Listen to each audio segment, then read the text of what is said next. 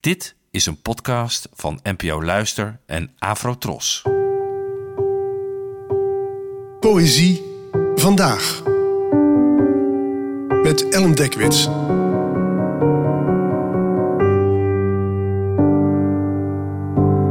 Hallo, fijn dat je luistert.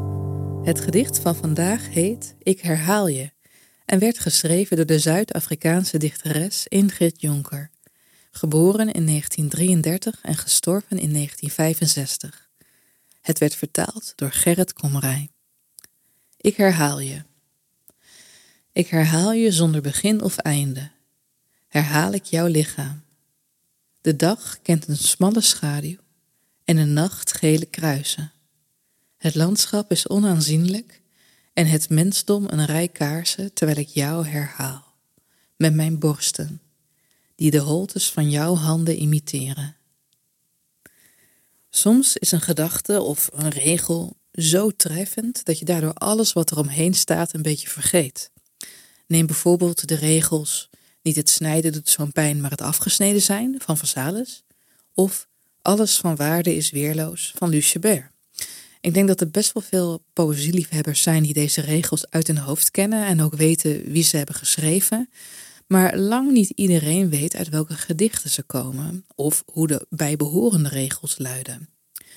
En van dit gedicht van Ingrid Jonker resoneerde bij mij vooral het slot. Dat je iemands lichaam herhaalt, alleen al hoe borsten de holtes van handen kunnen imiteren. En dat is een prachtig gegeven dat wat er verder in het vers wordt verteld ook weer een beetje overschaduwt, zoals een heel mooi meisje haar vriendinnen.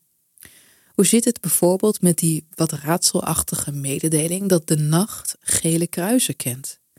Ik moet dan wel denken aan het gele lantaarnlicht, maar zeker weten doe ik het niet.